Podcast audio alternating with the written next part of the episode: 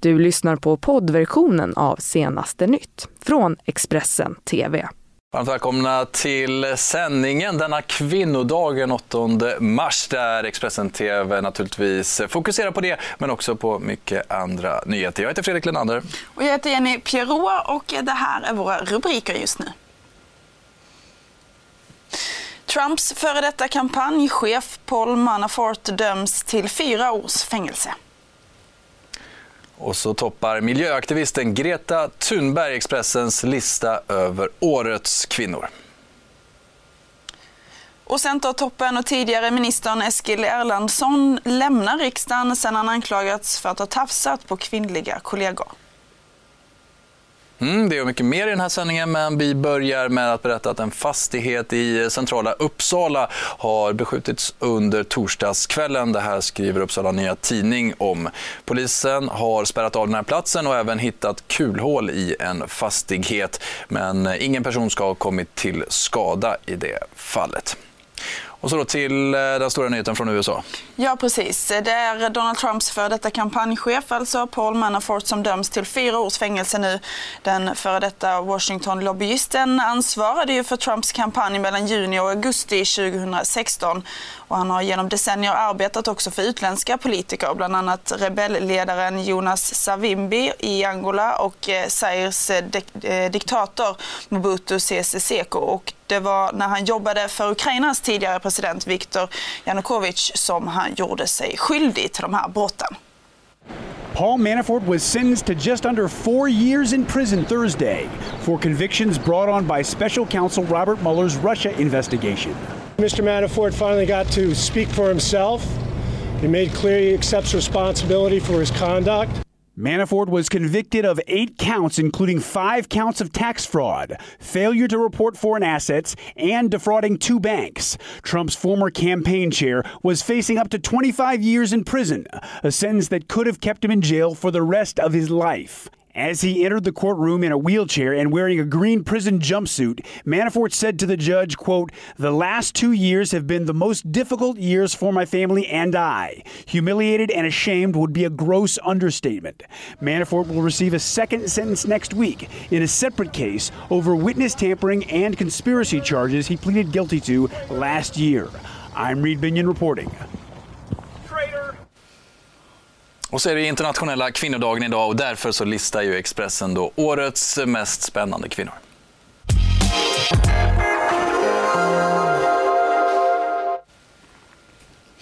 Traditionsenligt så släpper vi den här listan alltså på de kvinnor som har varit eh, förebilder på ett eller annat sätt också då stuckit ut sedan den 8 mars i fjol. Och årets lista toppas naturligtvis utav miljöaktivisten Greta Thunberg. Och på andra plats hittar vi 25-åriga Angela Guai, alltså dottern till den svensk-kinesiske bokförläggaren Gui Minhai. Och på tredje plats hamnade journalisten och författaren Alexandra Pascadillo.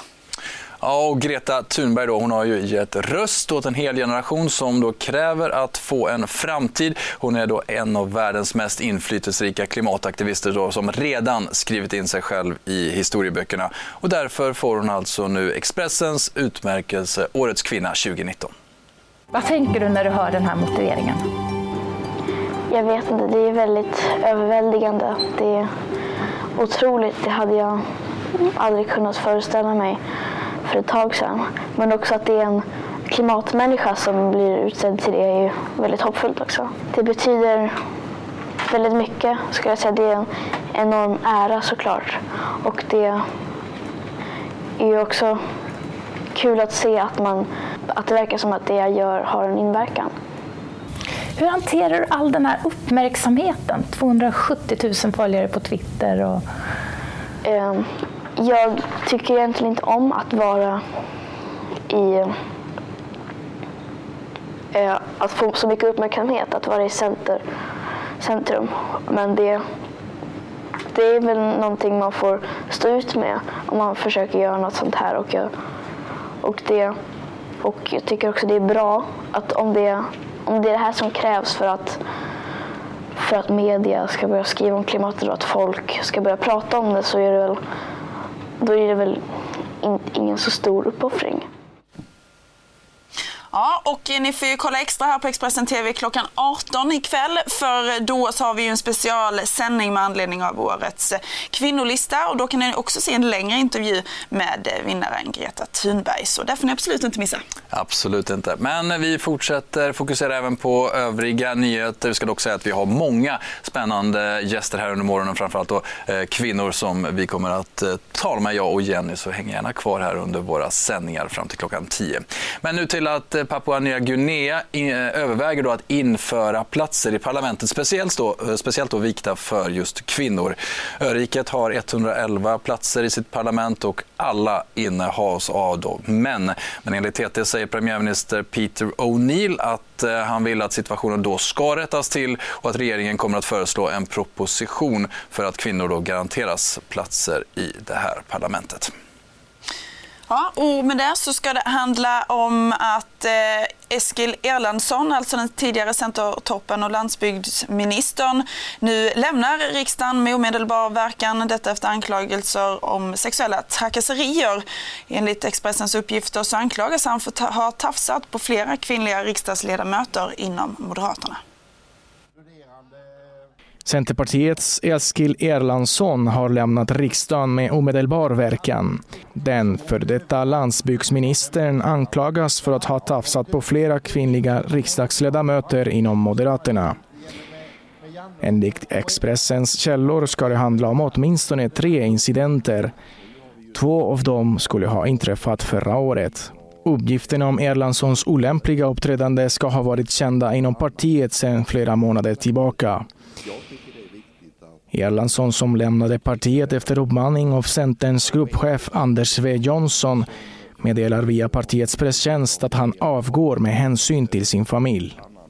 Det betyder just att, han, han, att det sannolikt ligger en del i, i de här då anklagelserna eller att det, det som har framkommit här att det förmodligen stämmer och att partiet också då inte vill eh, ha hans eh, tjänster längre, det vill säga att han inte kommer få några uppdrag.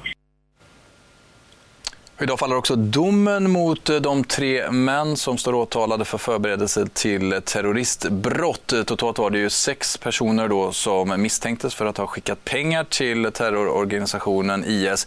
Men det var alltså bara tre som åtalades. Två av dem släpptes också senare i väntan på dom och enligt åklagaren så kan det tyda på att männen inte kommer att dömas. Enligt åtalet hade de sammanställt 660 kilo och över 100 liter kemikalier för att bygga en bomb. Det här för att sen utföra eller främja terroristbrott. Personer med insyn i utredningen har sagt att männen planerade en storskalig attack med bomb och gas i Stockholm. De misstänks också ha haft kontakt med stridande personer i Syrien och för att ha fört över pengar till IS-terrorister utomlands. De tre männen, Bakhtior Umarov, Atabek Abdullajev och David Idrisson, har alla nekat till brott. Han har ju från början menat att han är inte IS och sen så har han utvecklat det och förklarat det och eh, som jag vågar påstå visat att han inte är IS och han har inte planerat något terrordåd i, i Sverige. Min klient har från första början och hela tiden, trots mängder av förhör med honom och trots eh, mängder av utredningsåtgärder, hävdat sin oskuld. Åklagaren menar att Abdullajev haft material på sin dator som visar att han sympatiserar med IS. Det här är något som den nu frisläppte mannen avfärdar genom sin advokat. Han har varit den av de misstänkta som har varit absolut tydligast i att han hatar det som IS står för, han hatar det som IS gör och menar att det har ingenting med islam att göra överhuvudtaget. Umarov har i chattar skrivit att han tittar på videor med halshuggningar med sin tvåårige son. Och propaganda för Islamiska staten har också hittats i hans dator. Han har på så sätt haft samröre med IS att han haft kontakter med personer i IS. Men det har inte varit för att eh, uppvigla till något krig i Syrien eller till någon attack i Sverige utan bara för att få, få resehandlingar. På tisdagen släpptes både Abdullajev och Umarov ur häktet. Enligt åklagare Per Lindqvist så kan det tyda på att de inte kommer att ställas till ansvar för förberedelse till terroristbrott. Och på tal om IS då så kommer det nu uppgifter om svensken Mikael Skråmo från Göteborg och enligt uppgifter till eh, Expressen så ska han då i samband med att han själv överlämnade sig och kapitulerade så ska han också överlämnat sina sju barn till de syriska SDF-styrkorna. Ja, barnen ska nu vara i säkerhet och nu så vädjar deras familj i Sverige om hjälp ifrån svenska staten. Så här berättar vår Mellanöstern-korrespondent Kassem Hamadeh om de här uppgifterna. Våra uppgifter, alltså det är källor, underrättelsekällor från nordöstra Syrien eh, som bekräftar eh, att eh, Mikael Stroms sju barn eh, är välbehållna och har funnits nu hos underrättelsetjänsten i, nord i nordöstra Syrien sedan åtta dagar tillbaka för att vara precis, eh, för att vara exakt. Åtta dagar tillbaka överlämnades de. Eh, och då eh, ska också Mikael Skomo själv eh, ha överlämnat eller kapitulerat till de eh, kurdledda eh, Syriens demokratiska styrkor. Eh, barnen mår enligt våra källor, de mår bra nu. Eh, och eh, de finns inte i något läger utan de finns alltså eh, på en eh, liten bas som används av underrättelsetjänsten i nordöstra eh, Syrien. Och det är bara underrättelsetjänsten som har till, tillträde till den här basen som, som finns alltså som ligger utanför de stora städerna i nordöstra Syrien. Mm, med det så avrundar vi också den här sändningen med mycket fokus på kvinnor idag såklart.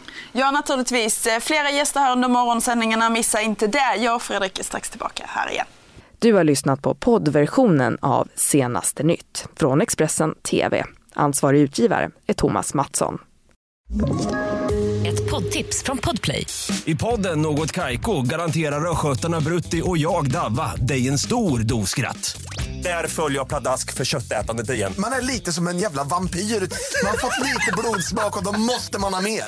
Udda spaningar, fängslande anekdoter och en och annan arg rant. Jag måste ha mitt kaffe på morgonen för annars är jag ingen trevlig människa. Då är du ingen trevlig människa, punkt. Något Kaiko, hör du på Podplay. Därför är gardinerna.